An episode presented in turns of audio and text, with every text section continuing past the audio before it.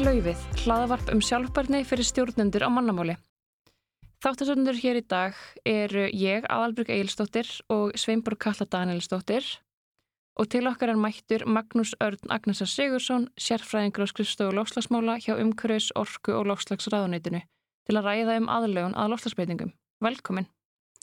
Takk kærlega, takk fyrir að fá mig heimsó. Magnús, getur þú kannski bara byrjað á því að segja frá því í hverju starf þitt eh, á, hjá umhverfis, orku og lofslagsraðunitinu fælst? Já, ég vinsast á skrifstofu lofslagsmála og við sjáum um lofslagsmál innan stjórnaráðsins en þau tengja samt mörgum unur ráðanutum og öðrum skrifstofum. Þannig að, að, að vinna að lofslagsmálum er mikið samstagsverkefni um, en á borðið skrifstofunar er, er áætlan að gerð um, ímiskonar og stefnumótun og það sem ég hef verið að sjá aðlega um er að hugsa hvernig ég að standa að áættan að gera vandi aðlöðunar lofslagsbreytingum og þegar ég tekti starfa þá erum við að vinna í kvítbókum aðlöðunar lofslagsbreytingum mm -hmm. sem að varð svo svona grundvöllur fyrir fyrstu aðlöðunar stefnu stjórnvalda. Þannig svona í stuttumáli þá held ég svona utanum stefnumótun varandi aðlöðunar lofslagsbreytingum en það er auðvitað ekki verkefni eins manns, það er, það er fælst í því mikið samstarfið bæði aðra skrifstofur og, og stofnanir. Einmitt. En aðlöfni að lofslagsbreytingum uh, er ekkert alltaf rosalega mikið í umræðinni. Það er ekkert endilega allir sem að vita hvað það er. Oftast er að tala um lofslagsbreytingar, er verið að tala um mótvægsaðgerir, hvernig getum dreyjur losninni og bara hver áhrifin eru sem við sjáum nú þegar eða við höfum séð eða munum sjá. Um, getur hann sagt okkur frá því í hverju aðlögun fælst og af hverju hann er mikilvæg? Já, algjörlega. Ég hef alveg rosa gaman að, að, að tala, um, tala um aðlögun og gaman að fóta tækifæri að, að spjalla um einmitt hvað þessi máluflokkur er í grunninn. Svona út frá svona stefnumótunar orðræði, þá er þetta að segja þetta sé svona hinn hliðin á lofslagsmálum. Fólk er miklu meira tamt að hugsa um aðgeri til samdráttar í lósun og kólnisbendingar, sérstaklega í einu nattræna norðri og minna tamt að tala um að breyðast við þessum áhrifum mm. og það er í rauninni súlið sem að aðluna lofslagsbreytingum skýrskota til að vera með lofslagsaðgeri sem að hjálpa okkur að vera viðbúin í mjög konar vanda sem getur komið upp út af áhrifum lofslagsbreytinga um, en svo kannski getur við stíið eitt skrif aftur og bakk út úr svona stefnumótunar heiminum og spurt okkur um meira svona mannfræðilegum nótum hvað er aðlöfun, hvað er það aðlagast og ég held við þekkjum öll hugmyndinum það að við erum með mismunandi dýrategundir mm -hmm. uh, í mismunandi virkkerfum á mismunandi svæðum og lofslögum uh, á, á jörðinni sem hafa þá þurft að aðlast mismunandi náttúru uh, veðri og svona þáttum í visskerfinu og þetta gildir auðvitað líka mannin þó maðurinn sé nú nokkuð dreifður um nöttin og hefur aðlast ímiskonar visskerfum þannig að eh, í, í grunninn á einu förumtann lofslagsbreytingar þá er það ekki nýtt fyrir manninum að þurfa að hugsa um það að breyðast umhverju sínu og haga sér á ákveðin hátt eða haga sínu samfélag á ákveðin hátt svo það passi inn í uh, eitthvað ákveð umhverfi og eins með lífriki, það er ekkert nýtt fyrir öðrum lífverum, svo við tölum líkum þær. Það er ekkert nýtt fyrir þeim að þurfa aðlaga sig ákveðinu visskerfi og ákveðinum þáttum. Þegar við tölum sínum aðlun og loslasbreytingum, þá erum við að horfast í auðu það að með loslasbreytingum með mjög hraðri breytingu visskerfa og hraðri hröðum breytingum í mjög eðlisþáta vegna hækkunar hitastegs og hækkunar uh, koldfýsingsmaks í loftinu uh, þá erum við að sjá fram á óvenjulega hraðar breytingar mm. sem að er doldi erfitt fyrir lífverur þar með tali mannin að breyðast við þannig við verðum kannski svolítið að leggja áherslu á að skoða bara nákvæmlega uh, hvað fælst í þeim fyrir umhverfu okkar um, og ég gæti haldið áfram, uh, sko, hoppum aftur inn svona stefnumótunar heiminn, þá er heldur ekkit nýtt að hugsa um alls konar vá í umhverfunu. og við á Íslandi um hugsa lengi um náttúru vá til dæmis en það sem er að koma nýtt uh, inn með loftasbreytingum er að þessi náttúru vá er að fara að magnast uh, í sumum tilvökum og á mjög stuttum tíma þannig við verum að svona, hana, halda, halda spilunum vel á hendinu og, og, og, hana, og greina aðstæðuna vel og rætt Og ég með þegar þú talar um þetta með aðlas, manni verður, eða mér allan að var hugsa til þess þegar svona þessara sagna sem eru heilt þegar að vera að nema land á Íslandi og þurft að finna rétt svæði og byggja hús og alls konar þannig og náttúrulega bara fyrstu landneimandir hérna gáðust upp og reynda aftur og aftur þá til loksins einhver festi rætur og þannig að þetta er kannski svolítið svipa því en bara þarf að gera staðans hraðar við höfum kannski ekki tíma til þess að vera alltaf að snúa við vegna þess að breytingarnar er að gerast út um allan heim og er að gera svolítið hratt. Já, ég held að það sé, það sé einmitt málið. Hraðin er svona ákveðin, ákveðin breyta í þessu uh, og gerir það verkum að við þurfum að setja uh, fólki í samfélaginu sérstaklega í það starf að, að velta þessu fyrir sér. Um, og það má kannski nefna líka þar uh, óvissan að um, þegar fólk hefur verið að nema nýlandsvæði og finna sér stað til að byggja húsi sitt og, og skipulegja nýjar byggðir mm. þá hefur uh, vafalvest farið fram eitthvað svona mat á ég reysa húsi hér eða þar hérna gæti nú fallið snjóflóð mögulega, ég ætla nú ekki að byggja of nálega þessari á hérna hvað ef það kemur ástíðabundi flóð í þessari á um, og, og kannski ekki skilgrind kerfi utanum þetta bara svona mannleg skinnsemi í rauninni með lofslagsbreytingum þá magnast óvisa og náttúran er kannski ekki að fara til þeirri lógík sem við þekktum áður. Þannig að þarna spila vísendin og fræðarsamfélagi ákveði hlutverk að skoða sviðsmyndir fyrir það hvernig náttúran gæti breyst og umhverfi gæti breyst vegna þessari hittastigsbreytingar og, og spáð þannig fyrir um hvernig við eigum að lesa í ákveðinu umhverfistætti út frá þessari nýju óvissu. Og það sem er svona kannski sérstaklega áhugaverður hluti af aðluguna fræðum ef, ef við köllum þau það er þessi kerfislega áhætta. Ekki endilega að hugsa bara um uh, líkurnar á tilteknu uh, flóði á og hvaða áhrif það hefur á, á þorpið sem er staðsett við ána heldur að hugsa um öll hinn afleitu áhrifin sem verða af því flóði. Mm. Hvaða hlutverki gegn þetta tiltekna þorf í samengi stærra samfélags eða jáfnveil samengi uh, alþjóða samfélagsmiðli landa og það er mikill áhug fyrir því núna innan þessar aðlöðunar umræða að kortleggja betur hvernig þjóðurík eru háð ymbriðis upp á uh, til dæmis uh, matvæli um, og geta þá séð fyrir já það verður uppskerubrestur þarna þá hefur það áhrif á þessi hérna lönd um, og þá er þetta að láta það um, hafa áhrif á alls konar áhættumat og áhættu stýringu í löndum.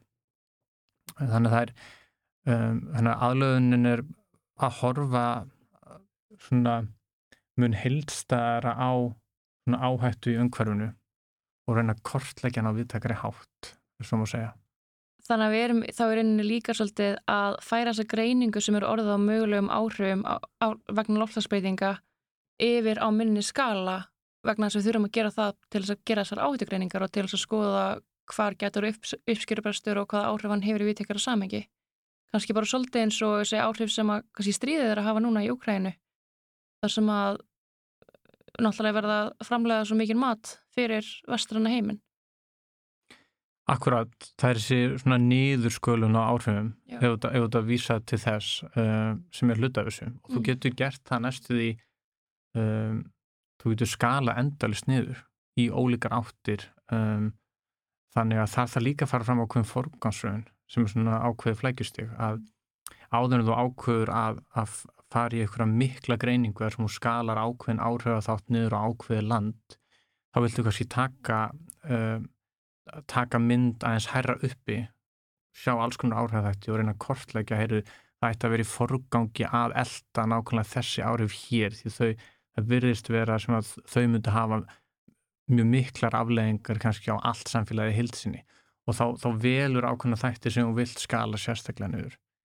Þannig þau bæ, bæði svona almenna niðurskulun frá þessum loslasviðsmyndum, hvernig þau hafa áhrif á alls konar þætti og alls konar hliðar samfélaginu okkar um, frá matvæla öryggi til líðhelsu um, og líka til, til visskerfa og lífrikisins en, en við þurfum líka svona sértæka uh, sértæka niðurskulun þegar við, þegar við komum auga á um, eitthvað, eitthvað sem felur í sér miklar afleðingar ef það raungerist En nú er gefið út stefna um aðlögun á Íslandi í september 2021 Getur þú sagt okkur aðeins frá henni svona í grófum dráttum? Já, ég get gert það. Hún heitir í ljósi loslasfár og, og byggir á kvítbók mm. um, sem er eins og bara lengri útgáfa stefnunni. Það er alveg hægt að hugsa sem svo. Og hún, hún skiptist í flokka uh, eftir, eftir mismunandi geirum eða málaflokkum sem að starfsóknum sem að vannisa stefnu fannst uh, mikilvægt að, að skoða sérstaklega hvernig þau ætti aðlagast. Mm. Þannig að við erum með svona uh, málaflokkarskiptingu eða geiraskiptingu og atvinnugreina skiptingu sem að uh, við könnumst alveg ákveðlega við mm -hmm. Um, og stefnan er þannig frekar heilstæð en hún er samt ekki alveg tæmandi. Það, það er alveg eftir að finna málaflokka og atvinnugreinar sem að e, eiga ekki sinn flokk þarna inni en þá eiga þau að geta passað inn í aðra stærri flokka þannig að stefnan ásuna geta dekkað þess að fyrstu nálgun okkar aðlögun en mm -hmm. um, það er svona meðvutund um að þarf að vera sveianleiki í svona stefnugjör og áallunum mm -hmm. þegar það kemur upp að það vandi að taka til, til þessa og hins en þannig að við erum með svona við erum með grunnmarkmi og grunngildi sem að allir uh, geta leitað í til að átta sig á því hvað er gott að hugsa um ef þú ætlar að fara að skilgreina aðlögunar aðgerði eða hugsa um aðlögun hvort sem það er innan fyrirtækis, félaga, samtaka, stofnana eða bara fyrir þína einn fjölskyldu. Þannig að þú les grunngildin og grunnmarkmiðin þá áttar þau á svona helstu uh, hagsmunum sem þarf að velta fyrir sér og, og hvað gögn þú þurfa að liggja til grundvallar því að hugsa um þessu mál.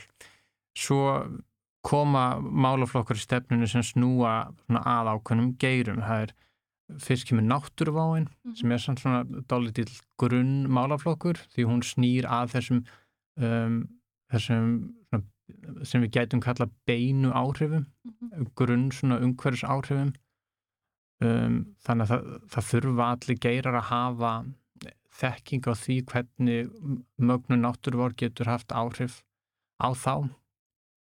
Um, og svo kemur flokkur um skipulagsmálin. Mm -hmm. þau eru líka svona svo, svo, svo lítill svona grunn aðlöðunar innviður því það ert að gera svo margir um skipulag. Og bara eins og þú réttir áðan sko landnum með að koma að finna land hugsa hvar maður á að byggja þessar grunn ákvarðinir hvar skipulagur er byggð og hvernig skipulagunar eru oft uh, svona svolítið grundvallar öðrum aðlöðunar aðgerðum Síðan begir stefnan kannski svolítið inn í ákveðna geira, mm. talar um vass og fráveitu, orkugeiran, samgöngur, er svo með markmiði kapla fyrir allt atvinnulífið mm. um, en svo er, er hann, svo koma svona sundurliðaðir kapla fyrir ákveðnar atvinnugreinar, sjáurútveg, mm. landbúnað, fjármálastarðsemi og vátryggingar, ferðaþjónusta og svo, og svo í lokin þá kannski vikar aftur út þessi sín uh, og við förum að tala um ákveðna grundvallar spurningar í aðlöfun mm. sem allir ætti að hugsa um en snúa ekki að þessum grunn áhrifum heldur kannski hínum endanum svona grunn samfélagslegum þáttum sem að við verðum að passa að hafa yfirsinn yfir og vera kannski með einhvers konar um, svona samhæfingu á og þannig er ég að vísa til kabla um líðhelsu Já. þjóðarhag, vinnumarkað og félagslega innviði mm -hmm.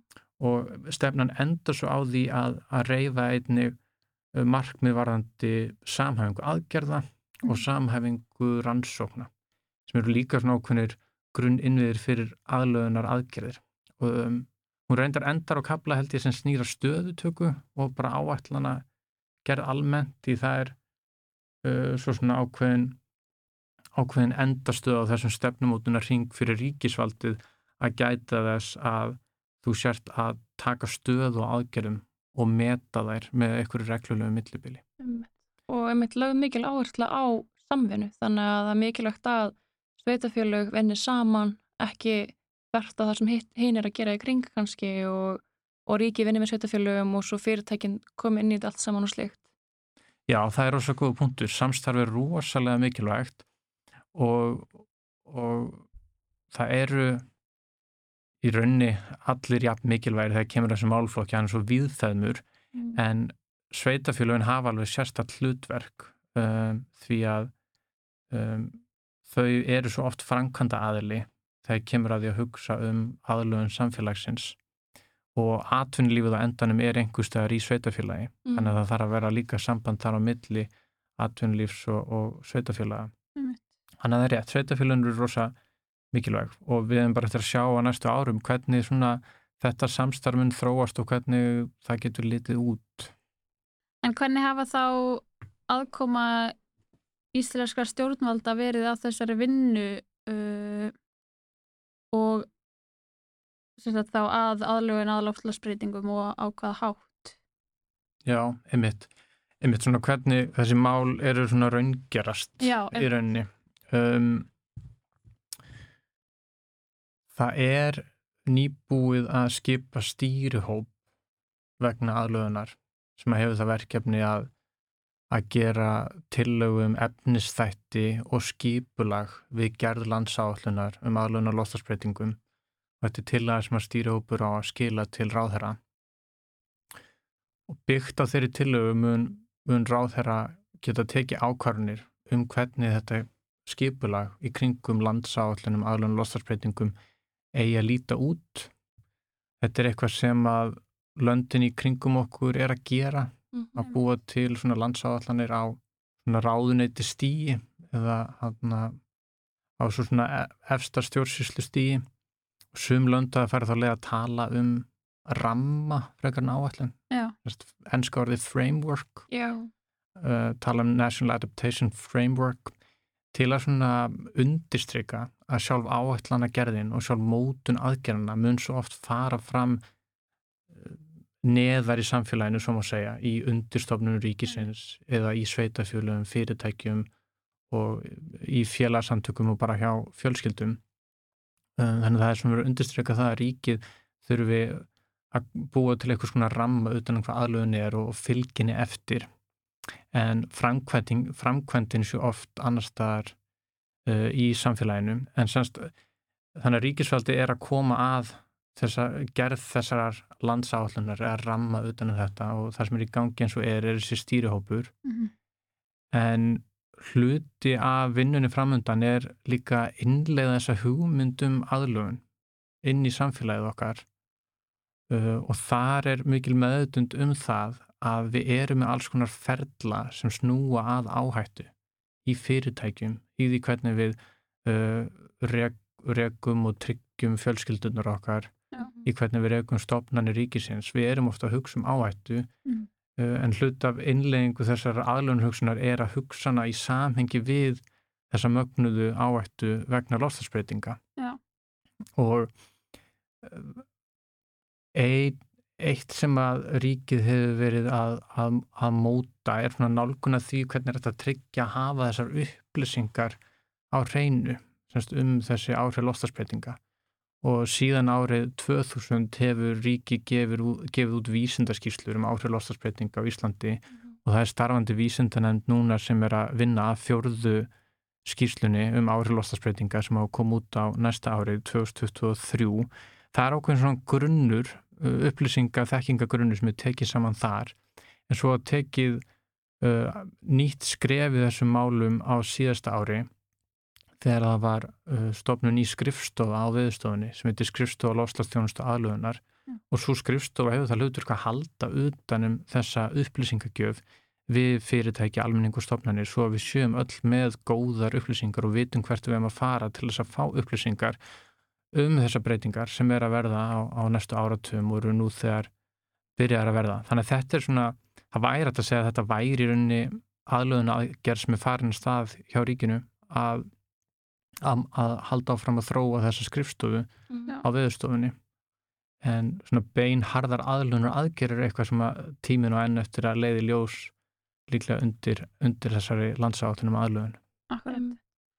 Uh, mér langaði líka að spyrja vegna þess að við erum kannski ekki farin að finna neitt svo mikið fyrir áhrifn losasbreytinga hérna á Íslandi og erum kannski ekki finna jafn mikið fyrir þeim en, eins og margar aðrar þjóðir, sérstaklega þá á Suðurkveli og slíkt. Getur þú sagt okkur frá því, er, er einhver svona alþjóða samvinna í gangi í kringum þetta? Er, er Ísland að styðja við einhverjum ríki sem kannski hafa ekki saman bólmagn og við til þess að fara í þessa vegferð eða slíkt? Svona við pælum aðeins í þessu svona á aðeins svona nattrætni skala. Einmitt.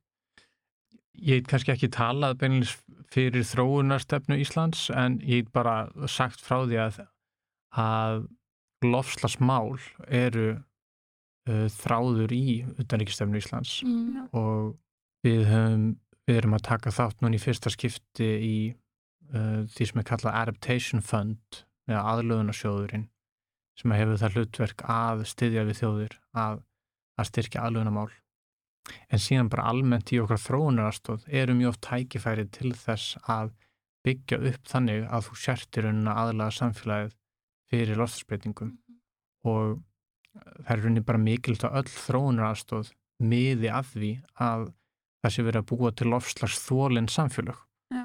og uh, mér hefur sínst að það sé mikil meðutundum þetta á Íslandi en ég endur þetta ekki, ekki tala kannski beint fyrir okkar auðaríkistefnu en, en hann en uh, þannig erum við svona að leggja okkar á mörgum og eitthvað sem við verðum líka hugsum og það er mér þess að um það í aðlöðunarstefnunni um að það eigi að leggja áherslu, á, á vinnastrótt samfélag í, í þróunrastofinu okkar. Um, já, ég ætla að segja eitthvað annað. Mann ekki hvað var. En hvernig gætu við uh, nei, eldur um nýtt uh, hvar sérðu fram á að okkar stæðsta áskorun verður uh, hvað var það aðlöfun að loftlagsbreytingum á Íslandi? Já, einmitt, ég ætla eiginlega að fara þarna líka hinri spurningunni, já. Um, já, ég held bara áfram. Um, já, þú, þú spurði líka einmitt um svona alþjóða samninga og alþjóða samstarf um, og, og það eru auðvitað ákveðnir þættir þegar kemur áhrifum loftasbreytinga sem að skipta Ísland sérstaklega miklu máli uh, sem að hefur lögð áhersla og verður lögð áhersla uh, til framtíðar. Það er eins og súrnum sjávar Mm. það skiptir eiríki sem byggir sem efna, efnahag að miklu og fiskum við miklu máli. Að við höldum yfir sín yfir þann málaflokk og ríki heimsju meðut um mikilvæg þess að taka út súrnun og hlínun sjávar mm -hmm. og önnur sérstaða svona í uh, önnur svona íslensk sérstaða væri, væri jöklarnir eða freðkvolfið eins og það er kallað Já. og þar höfum við verið í alþjóðlegu samstarfi uh, að reyna að vekja aðtegli á jöklunum Mm. uh, og freðkvolfinu semst ekki bara jöklum heldur líka bara þar sem er sífreri uh, í jörðu og svo spurður mig um svona helstu áhrifa þætti Einmitt. um, fyrir Ísland. Súrnum sjáar auðvitað mjög mikilvæg sem ég var að nefna. Já, svo finnst mér rosa erfitt að taka út einhverja ákveðna þætti því að það er svo mikil óvissa. Já. og við eigum eftir að, að, að greina og að, greina áhættu að uh, svona heilstætt til að átt okkur á því hvað er vandin liggur þannig ég vil, vil ekki vera að segja hvað er, svona, hvað er aðal áskorunin því ég held að aðal áskorunin eins og er er að ná bara heilstætt utanum þetta. Ég held við, ég held við vitum flest bara ekki um fréttir hvað við höfum sé hingað til. Mm og það ég held að hugsa mjög margir til skriðufallana bæði fyrir norð og austan og austan Já, uh, eftir svona úrhellisrygningar Mhm. um, það er það er auðvitað atbyrðu sem geta geta sett mannslífi hættu Mhm. og valdi mjög miklu eignatjóni Já. bæði fyrir fyrir bændur og aðra atvinnustarfsemi í þéttbíli og þannig að við verum að einbytta okkur að því að, að, að ná vel utanum þess áættu þar sem við erum að sjá atbyrjuna nú þegar að raungerast og augljósar tengingar við áhrif lostasbreytinga. Mhm. Þannig eru líka allskynst lagarlegi þættir sem að þarf að skoða betur. Eins og varðandi tryggingar. Um, að, uh, Þá hvað er tryggt og, og fyrir hverju og slíkt?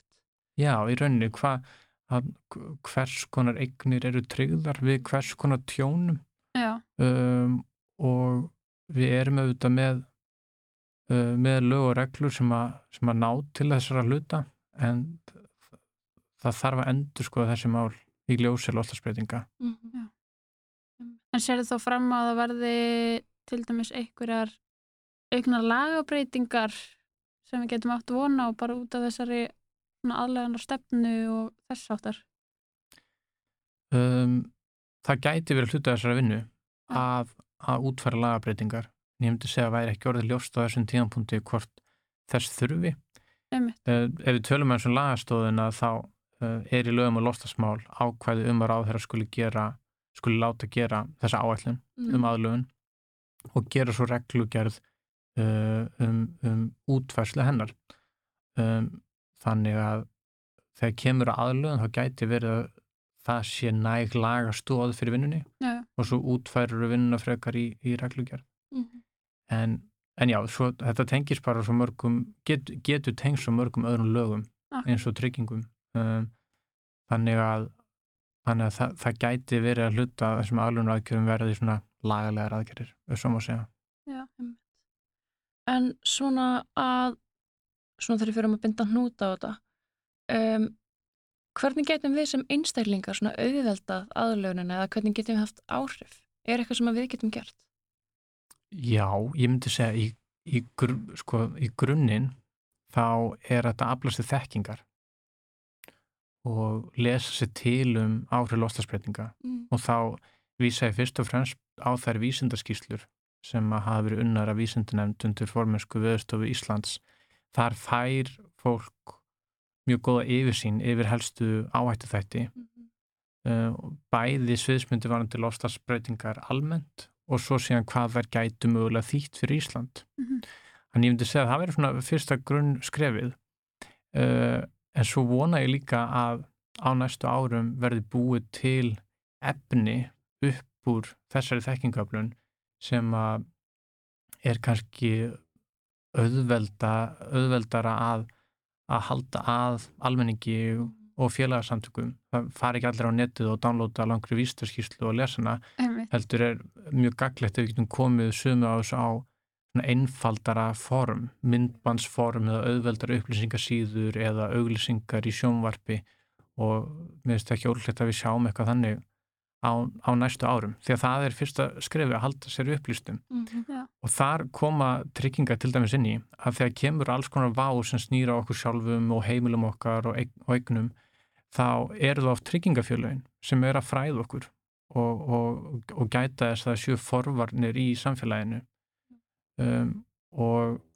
það er, það er alveg möguleiki að þegar kemur að hluta þessum áhrifaþáttum þá verðum við munum við fá aukna fræðslu á Mhm. næstu árum til dæmis bara með eins og svona mikla rigningar eins og við höfum séð undanfarið og verða stórir pollar á götum Mhm. þá er haldið að almenningi að fylgjast með niðurföllum í kringum sitt hús við erum með stofnanir sem að, sem að koma á svæðið og, og hreinsa burt frá, frá niðurföllum um, og, og, og starfsmenn sveitafélaga stundum en það er líka verið að reyna að búa til að skapa meðvitund hjá, hjá almenningi um að bara fylgjast með uh, sínu nærsvæði. Mhm. Það er hluta þessari vinnu líka uh, og það er mér satt til svona hugtak sem er á ennsku community-based adaptation Já. sem að ég held að það verið þýtt sem nærsvæðis aðlöðun eða eitthvað slíkt og svo sem engin þörf á einhverju rosa hugtæki en hugmyndin er bara svo að það er að gera mjög margt bara með því að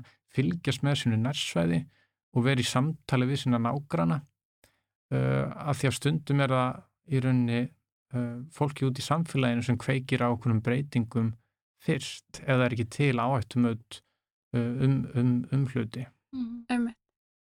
En svona að lokum, nú er einmitt umræðan um loftlagsbreytingar og afleiðingar þeirra mjög alvarlegar og þungar. Uh, er þú bjarsýn fyrir framtíðinni með við uh, þau markmið og áallanir sem liggja nú fyrir til þess að taka á þessum málum? Já, þetta er rosa góð sp- spurning og held ég eitthvað sem að allir sem að hafa svona lifa og, og ræst í lofslagsmálum hafa spurt sig á ég að vera bjarsýn hvernig er hægt að vera bjarsýn og uh, ég held að ég hef lent svolítið á því svari að maður, maður verður að vera bjarsýn upp að einhverju marki. Já. um, því að eina leiðin til þess að gera hluti og reyna að gera hlutina betri er að vera bjarsýn um, en svo eru þetta að fara allt og langt í þá átt og, og fara í einhvers konar bjarsýnis afnitun Já, en við viljum vera held ég bara hæfilega bjarsýn uh, annars, annars gerum við ekki neitt. Og það er mjög margt hægt að gera bæði þegar kemur að losun og aðlögun.